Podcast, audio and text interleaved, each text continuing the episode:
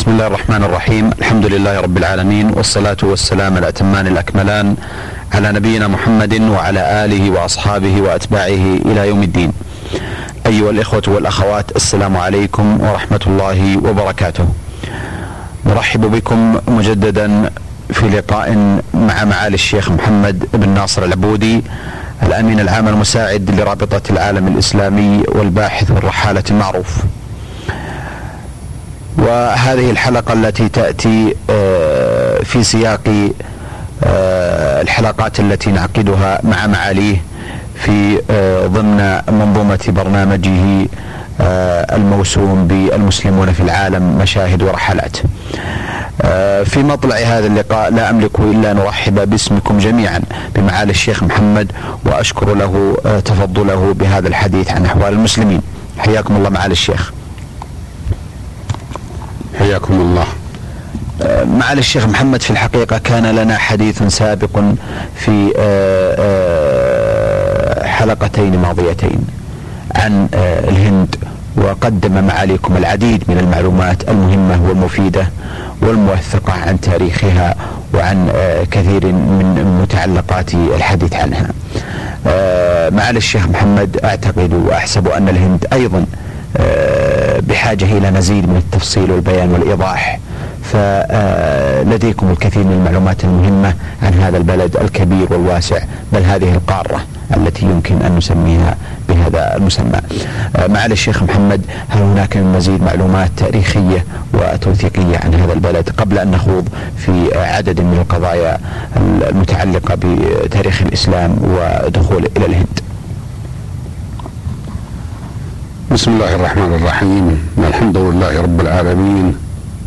اللهم صل وسلم على سيدنا ومولانا محمد بن عبد الله وعلى آله وصحبه ومن تولاه إلى يوم القيامة. أما بعد فإجابة إلى ما ذكرتموه عن آه، موضوع الحديث آه، في الهند. سبق أن قدمنا آه، حديثا ربما يراه بعض المستمعين مطولا عن الأحوال العامة آه، في الهند أو عن علاقة المسلمين بالتقاليد والعادات والديانات الهندوكية القديمة التي لا يتزال لها آثار مهمة على المسلمين في الوقت الحاضر. ولكنني رأيت أن الحديث في هذا الموضوع قد طال وأنه ربما كان بعض الإخوة المستمعين يريدون أن آه، يسمعوا أحوال المسلمين آه، وكيف دخل الإسلام أحوال المسلمين في الهند وكيف دخل الإسلام إلى الهند مباشرة أي بدون المرور بالمعلومات العامة. لكنني قلت ان بعض المعلومات العامة والمتعلقة بتاريخ الهند وبدياناتها القديمة لها تأثير حتى الآن في الوقت الحاضر على الناس في الهند على الهنادك الذين يسمون الهنادك في الهند والذين يؤلفون نحو 85 إلى 82% من سكان الهند. فلا يزال لهم لذلك تأثير عليهم وبالتالي يكون له تأثير على المسلمين. لكن ما دامت أنكم رغبتم أن نستكمل بعض المعلومات العامة التي لم تذكر في السابق عن الهند فلا مانع. الهند كما نعلم أشبه ما تكون بالقارة ولذلك بعض الكتاب يسمونها القارة الهندية وإذا قالوا آه هذا اللفظ القاره الهندية فإنما يريدون الهند وباكستان وبنغلاديش وما يتبعها. أما إذا قالوا الهند فإنهم يريدون بذلك جمهورية الهند آه نفسها الموجودة في في الوقت الحاضر. نحن قلنا آه، في السابق إن عدد سكان الهند يبلغ في الوقت الحاضر 900 مليون نسمة وأن الهند بذلك تكون ثانية دول العالم من حيث عدد السكان ولا يسبقها في ذلك إلا الصين. وأما المسلمون فإنهم يؤلفون 12% من سكان الهند. آه الهند آه موقعها لا حاجة إلى ذكره لأنه معروف عند كثير من الناس وكذلك فيما يتعلق بالصناعة فلديها صناعة الآن تعتبر متقدمة ولأنهم فجروا القنبلة الذرية وكذلك عندهم صناعة طائرات وإن لم تكن طائرات حربية متقدمة ولكن عندهم أنواع من الأسلحة من الدبابات والصواريخ. ينتجونها وربما آه، يكون لديهم فائض في السنوات القادمة يصدرونه. وهذا أمر عجب من أمر الهند. الهند بلاد العجائب. يرى الإنسان فيها الآن اناسا يعيشون كما كان الإنسان يعيش قبل عشرة آلاف سنة. ويرى فيها أنواع من المعاملات ومن كيفية كيفية العلاقات مع الناس قديمة جدا وليس لها علاقة بالمدنية الحديثة ثم يرى في المقابل أن هناك مصانع الأسلحة والمصانع المتقدمة ولكن هذا التقدم لم يشمل الشعب نفسه ربما لا يوجد إلا يمكن. عشرة بالمئة من الشعب يعيشون معيشة معقولة بمعنى أنها معيشة مستساغة في هذا العصر. أما البقية فإنهم يعيشون إما فقراء تحت فقر مدقع ويصاحب هذا الفقر عندهم قلة الملابس وعدم النظافة في الشوارع. وكذلك عدم النظافة في الريف وكذلك عدم الاحتراز للصحة وكذلك يوجد عندهم آه، أمراض مستوطنة كالملاريا وكذلك البيزنطاريا اللي هي أمراض الزحار وكذلك يوجد عندهم أيضا آه، أمراض قديمة والسبب في ذلك أن الحكومة الهندية لم توجه ما تستطيع إلى الرفع مستوى الشعب كله وإنما وجهته إلى آه، الأسلحة والتي تزعم أو تريد أن تخضع بها باكستان وغيرها آه، من الدول. لقد سافرت مرة في ولاية آه، في ولاية في الولاية الغربية التي عاصمتها بومبي سافرت إلى جهة الشمال فوصلت بعد نحو 115 آه، مترا إلى مدينة اسمها مدينة ناسك. هكذا ناسك بالعربية وما دخل إلى اللغة الهندية من الأردية والأردية أخذتها من الفارسية والفارسية أخذتها من العربية. وهذه مشهورة بالديانة القديمة حتى إن فيها غابات يأتي إليها بعض المتمسكين بدياناتهم القديمة ويخرجون عراة كيوم ولدتهم أمهاتهم. في يوم من السنة يزعمون أن إلههم رام خرج هكذا. وبجانب ناسك هذه مصانع للطائرات على أحدث طراز وفيها الخبراء وهم يريدون أن يسابقوا الزمن بها في الوقت. الذي آه، يرى الإنسان العجائب عجائب التأخر عندهم وهذا من عجائب الهند. آه، الهند كما قلنا آه، تصدر أشياء كثيرة ولذلك نجد في اللغة العربية أشياء منسوبة إلى الهند من ذلك السيف الهندي وحتى إن السيف صار اسمه الهندي واسمه المهند وجمعوا عند العامة من شعرائنا ومن أهل بلادنا الهنادي ورد ذلك في أشعار ومفردات لغوية كثيرة ذكرتها في معجم آه، الألفاظ العامية الذي أسميته المعجم الكبير. وهنالك أيضا حتى في العصر الأخير فيها تسميات منسوبة إلى الهند لم تكن موجودة في العصر القديم. مثلا السيف الهندي والمهند موجود من زمن الجاهلية لأن العرب حتى في زمن الجاهلية يعرفون أن السيف يأتيهم من الهند السيف الجيد أو السيوف الجيدة تأتي من الهند. لكن الآن وجد أشياء لم تكن موجودة تسميات لم تكن موجودة في العصر الجاهلي مثلا العامة عند بني قومنا عندما عقلنا الأمور قبل سنوات طويلة وقبل التطور الأخير كان عندهم نوع من من الملابس يسمون ملابس النساء يسمونه المهند. آه، يسمونه أمهن وبعضهم يسميه أمهندا.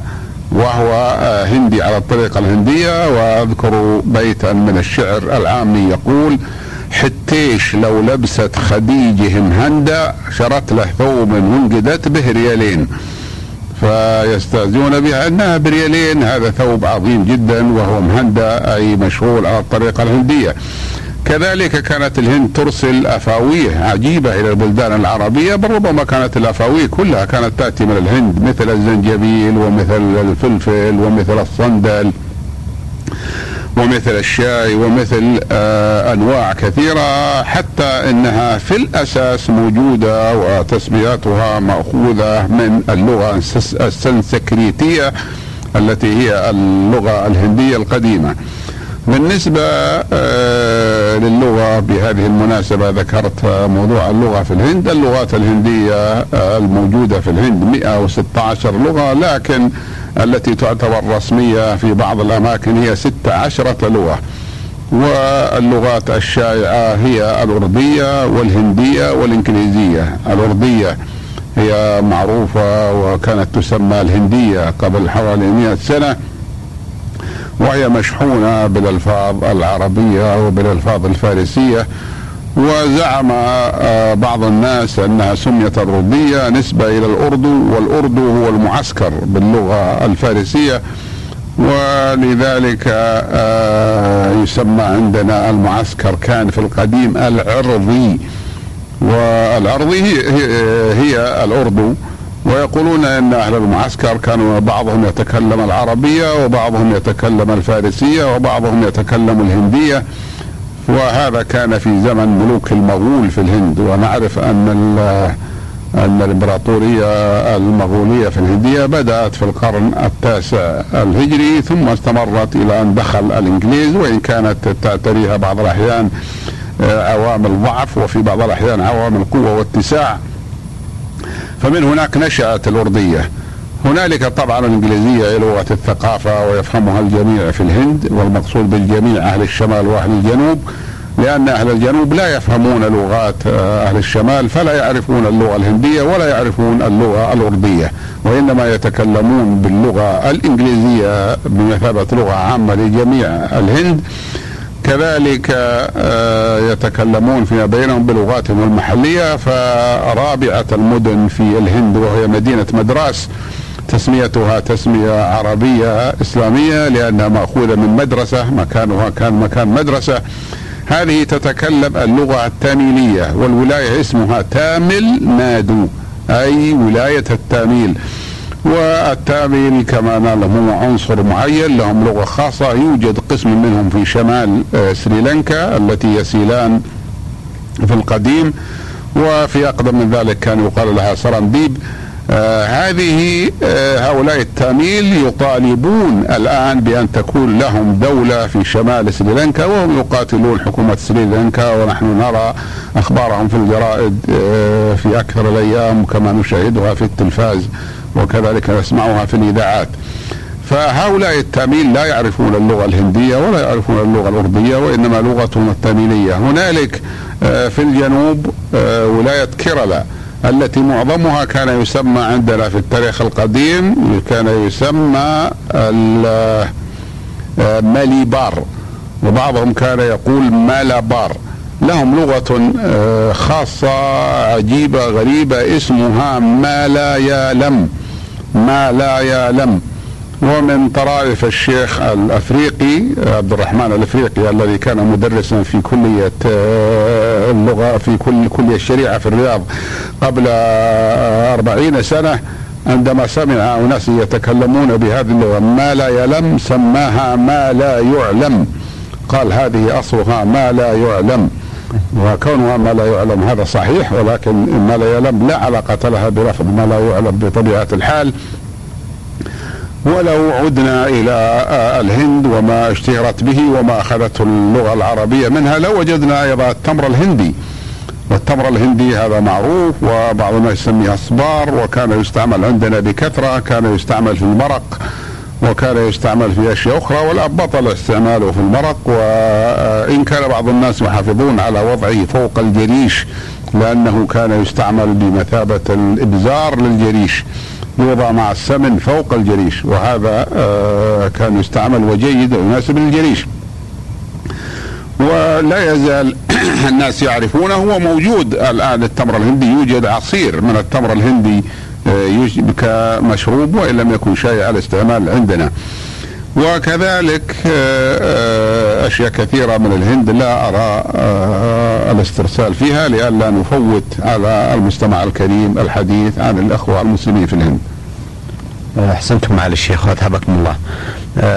معالي الشيخ محمد هل من المناسب الآن أن نستمع منكم آه، البدايات الأولى لدخول الإسلام إلى الهند بعد أن استمعنا منكم إلى العديد من المعلومات المهمة عن واقع وتاريخ وديانات الهند وبعض المعلومات عنها. دخل الإسلام لأول مرة إلى الهند عن طريق السند أي إن المسلمين غزوا السند وليس الهند لأنهم كانوا يسمون ما كان آه على البحر في غرب الهند ومنها باكستان ولا تزال في باكستان ولاية اسمها ولاية السند والنهر العظيم الذي يشق هذه الولاية يسمى نهر السند حتى الآن. فدخل المسلمون في إلى تلك الولاية آه، في العصر الأول الهجري وأسسوا فيها مراكز للدعوة وكذلك فتحوا عدة بلدان. وسطروا آه، بطولات عظيمة وأنقذوا الشعب الهندي من التعصب الطائفي في تلك المنطقة. ولكن لم يدخلوا وسط الهند إلا بعد ذلك بنحو 300 سنة. نحن نعرف أن من الذين اشتهروا بفتح الهند هو محمد بن القاسم الذي يقول فيها الشاعر قاد الجيوش لسبع عشرة حجة. يا قرب يا قرب ذلك سؤددا من مولدي لأنه آه، غزا السند وعمره سبع عشرة سنة. واستمر وجود المسلمين في السند منذ القرن الأول الهجري ولكنهم لم يتوغلوا في داخل الهند. والسبب في ذلك أن الهند بلاد كثيفة السكان والجنود فيها أعدادهم كبيرة فيحتاجون إلى أعداد ضخمة تقابل تلك الأعداد ولم يكن هذا متوفرا للعرب والمسلمين الذين آه، فتحوا السند في ذلك الوقت. ولكن الله سبحانه وتعالى كان قد ادخر فتح الهند لسلطان عظيم اسمه السلطان سبوكتوكين وهذا كان سلطان ما يصح أن يسمى بأفغانستان قبل أن تعم هذه التسمية. وكان مركز ملكه في مدينة غزنة في أفغانستان الآن ومدينة غزنه هذه؟ أنا زرتها. تبعد عن مدينة كابول 160 كيلو متر إلى جهة الجنوب وعندما زرتها قلت لابد أن أسلم. أزور السلطان سبكتكين وأزور ابنه السلطان العظيم الذي هو أعظم من في فتح الهند وهو السلطان محمود بن سبكتكين. فقد سجلت له أكثر من 22 غزوة من الغزوات الفاصلة الضخمة وبذلك فتح عدد مساحات ضخمة لا يتصورها المرء إلى في الهند وكسر أصناما عديدة في الهند وبعضها صنم اسمه صنم سومنات. لم يكن الهنادكة يعتقدون أبدا يعني يعتقدون في القداسة ولم يكونوا يعتقدون بأنه يستطيع أحد أن يقرب منه حتى إنهم لم يدافعوا عنه وإنما صاروا يتضرعون إليه بأن يدفع عن نفسه ولكن لم يدفع عن نفسه لأنه صنم لا يضر ولا ينفع فهدمه المسلمون وغنموا ما كان عليه من جواهر آه، وغيرها. فالسلطان محمود بن سبكتكين هو عاش في القرن الرابع سنة 400 وزيادة وكان جيشه الذي تردد على الهند في حملات ضخمة جدا ومنها حملة سموها حملة خيبر أو غزوة خيبر وسموا المكان الذي سلكوه وهم قادمون من آه، مدينة غزنة في أفغانستان إلى الهند سموه ممر خيبر. تيمنا بغزوة خيبر ولا يزال يسمى حتى الآن آه، ممر خيبر. لم يكن الفتح الهندي مجرد فتح حروب بل كان فتح قلوب لأنه كان معه طائفة من العلماء وطائفة من الدعاة وطائفة من الزهاد. فكانوا يرشدون الناس وكانوا يبصرونهم وقد آه، آه، نعم عامة الناس الهنود بالفتح الإسلامي وعرفوا فيه من الخيرات ومن المواساة الإنسانية ما لم يكونوا يعرفون لأن ملوكهم كانوا مسيطرين عليهم وكانوا آه، متمسكين بالطريقة الهندية القديمة المستوحاة كما يقولون من الديانة الهندوكية وهي التي تفرق الناس حسب الطبقات وتحتقر الطائفة العظمى من الشعب وليس لهم من الحياة نصيب. وإنما يصح أنهم يعيشون على هامش الحياة وإلى ذلك يعيشون حياة الذل.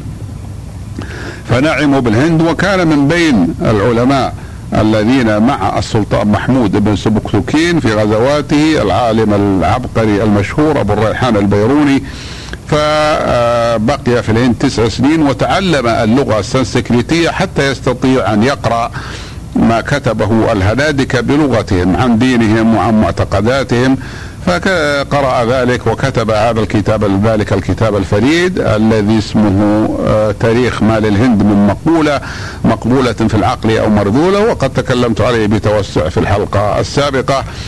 فيصح القول بأن آه، الإسلام دخل إلى القارة الهندية في القرن الأول ولكنه لم يتوسع ويتوغل فيها إلا في القرن الرابع الهجري.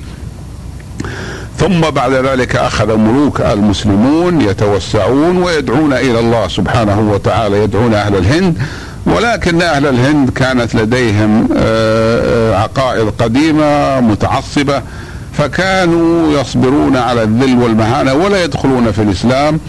وبعض المؤرخين آه، قد جعل من هذه القضية قضية من الغمز يقول إن هذه تغمز من آه، قناة السلاطين المسلمين وخاصة سلاطين المغول لأن كان بإمكانهم أن يدخلوا الناس أو يدخلوا طائفة أكبر من الهنادك في الإسلام ولكنهم لم يريدوا ذلك لأنهم كانوا يأخذون جزية وكانوا يأخذون إيتاوة وكانوا يستعبدون الهنادك بما لا يستطيعون أن يفعلوه مع المسلمين وذلك من أجل الدخل الذي يكون للدولة. هكذا قيل والله أعلم. ولكنني أذكر أن أحد المثقفين الهنادكه وكان موظفا كبيرا قال لي مرة وكنت في إحدى زياراتي للهند إن المسلمين يقتلون الهنادك يريدوا في الوقت الحاضر لأنه كان في ذلك الوقت عندما جيت كانت هناك اضطرابات طائفية بين المسلمين وبين الهندوك. فقلت له لا يمكن أن يقول عاقل هذا. قال لماذا؟ قلت لأن المسلمين قد حكموا الهند منذ أن دخلوا الهند. حتى الآن أربعة عشر قرنا إذا كنا آه، اعتبرنا أن دخولهم وبقائهم في سند آه، بداية دخول الإسلام إلى الهند. ولكن إذا اعتبرنا أن بداية دخول الإسلام إلى الهند هو القرن الخامس الهجري أي سنة 400 وكسر أو أو آخر القرن الرابع الهجري فإنه يكون قد مضى على دخول الإسلام إلى الهند أكثر من 900 سنة. ولو كان المسلمون يريدون أن يقتلوا هنادك لقتلوهم في ذلك العصر. لأن العصر في ذلك الوقت لم يكن مثل هذا الآن. لا يعرف الناس ماذا يحصل في الهند ولا يمكن أن يستنكر أحد ذلك. فبالإمكان أن يقول لهم ملوك المسلمين إما أن تسلموا أيها الهنادك أو نقتلكم ويمكنهم أن ينفذوا ذلك ولكنهم لم يفعلوا. وبقي في الهند الآن الأغلبية هنادك. فهل معنى هذا أن المسلمين كانوا يريدون قتل هنادك؟ لو كانوا يريدونهم لقتلوهم عندما كانوا يحكمون الهند أكثر من, من 900 سنة. أحسنتم معالي الشيخ محمد. آه، معالي الشيخ محمد آه، في في آه، ثنايا حديثكم عن دخول الإسلام إلى الهند. لا شك أن هذا الدخول الذي تفضلتم به كان على مراحل. مرحلة أولى ثم في القرن الرابع كان دخول أكبر عن طريق السلاطين الذين تفضلتم بذكرهم. لكن معالي الشيخ محمد آه، الهند لها لها سمعة كبيرة في في النهضة الدعوية الإسلامية. وكان هناك العديد من الأسماء الدعوية آه، في آه، علماء الهند. كان لهم حضورهم في مؤلفاتهم وفي نشاطهم الديني والدعوي. هل يمكن أن نطلق على هذا الأمر الذي حصل؟ هو بدايات اهتمامات من قبل السلاطين أو هي للدعوة ونشاطها الذي كان في الهند والذي أثمر وجود عدد من العلماء المعروفين من الهند. اولا فيما يتعلق آه، بالمراحل وفي الحكم الإسلامي ينبغي أن نشير هنا إلى أول حكم إسلامي على العاصمة التي تسمى الآن دلهي. فهذه دخلها الحكم الإسلامي في القرن السادس الهجري على يد اول حاكم له هو قطب الدين آه، وهذا رجل آه، مشهور ومسلم حقيقي وبنى فيها آه، مسجدا ضخما سماه مسجد قوة الإسلام. وبنى منارته هذا المسجد منارة شامخة بالحجارة المنقوشة إلى الآن باقية والغريب أنه حتى الزلازل لم تنل منها واستمر حكم المسلمين. بالنسبة للناحية الدعوية المسلمون كانوا هم الحكام كما قلنا وكانت لهم مدارسهم وفيهم علماؤهم والحكام كانوا يؤيدونهم.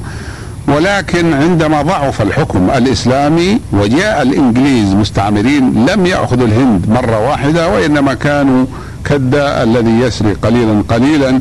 كان بعض حكامهم بعض حكام الهند من مسلمين ومن حتى غير مسلمين لأنه كان بعض الولايات والأماكن يحكمها أناس آه، بمثابة الأمراء. فالأمير الهندوكي يسمى راجا والأمير المسلم يسمى نواب. فكان بعضهم آه، يستميلونه ويطلبون منه أن يعطوه راتب ويخضع لهم ويتصرفون بما شاءوا في مملكته وبعضهم يمانع فيقاتلونه. ولكن كانت النتيجة أن سيطر الإنجليز على مقاليد الأمور آه، في الهند. فلما سيطروا على ذلك وجد الإخوة المسلمون في الهند أنه لا ناصر لهم حكومتهم ذهبت ووجدوا أنهم إذا تركوا أمورهم آه، كما هي وهذا الذي حصل في بعض البلاد البعيدة عن الهند فإن الثقافة الإسلامية والمعرفة الإسلامية سوف تضمحل وإن العلماء لا يوجدوا فتنادوا بأن يؤسسوا المدارس الإسلامية وأن يؤسسوا المعاهد ويؤسسوا الملاجي لاولاد المسلمين من ملاجئ للايتام وملاجئ للفقراء حتى يربوا في أولاد المسلمين تربية إسلامية. وهذا هو الذي حصل بالفعل حتى صارت الهند متميزة أو نستطيع أن نقول أن المسلمين في الهند صاروا متميزين على الأقليات المسلمة في العالم كله بدون استثناء. فهم أفضل أقلية موجودة على وجه الأرض أقلية مسلمة موجودة على وجه الأرض. من ناحية قيامهم على المدارس وقيامهم على بناء المساجد وتربية أبناء المسلمين والأهم من ذلك ومن ذلك كله تمسكهم بالثقافة الإسلامية والديانة الإسلامية فلا يرضون أن يقلدوا الإنجليز أو أن يقلدوا الهنادك. لذلك استمرت الدعوة الإسلامية جيدة ونتج عن ذلك أن الذين هاجروا من الهند إلى أنحاء العالم سواء هاجروا إلى بلاد متقدمة في الإدارة كبلاد أوروبا والولايات المتحدة الأمريكية وحتى جنوب أمريكا أو كانت بلادا متأخرة في الإدارة مثل بعض الأقطار الأفريقية فإنهم استمروا على ما كانوا عليه في الهند من آه، إنشاء الجمعيات ومن القيام على أمر دينهم والإنفاق على المساجد والمدارس الإسلامية حتى إنهم كانوا يستجلبون من الهند دعاة ومرشدين يدفعون لهم التذاكر ويدفعون لهم الرواتب. وهذا هو الأمر الذي أشرتم إليه وهو الواقع الذي ينبغي أن يعترف به كل مسلم. أحسنتم معالي الشيخ. أه الحقيقة أستأذنكم معالي الشيخ محمد في هذه اللحظات لأن أتوقف عند هذا الحد أه راجيا من الله سبحانه وتعالى أن أه يحقق لنا لقاءات قادمة مع معاليكم لنواصل الحديث عن آه، بعض متعلقات الحديث عن الدعوة إلى الله سبحانه وتعالى وعن أحوال المسلمين آه، في الهند وغيرها. أيها الأخوة والأخوات كان حديثنا في تلكم الدقائق الماضية مع معالي الشيخ محمد بن ناصر العبودي الأمين العام المساعد لرابطة العالم الإسلامي والباحث والرحالة المعروف. آه، نلقاكم بإذن الله تعالى على خير في مثل هذا اليوم من الأسبوع القادم وتقبلوا تحية من محدثكم محمد بن عبد الله مشوح. والسلام عليكم ورحمة الله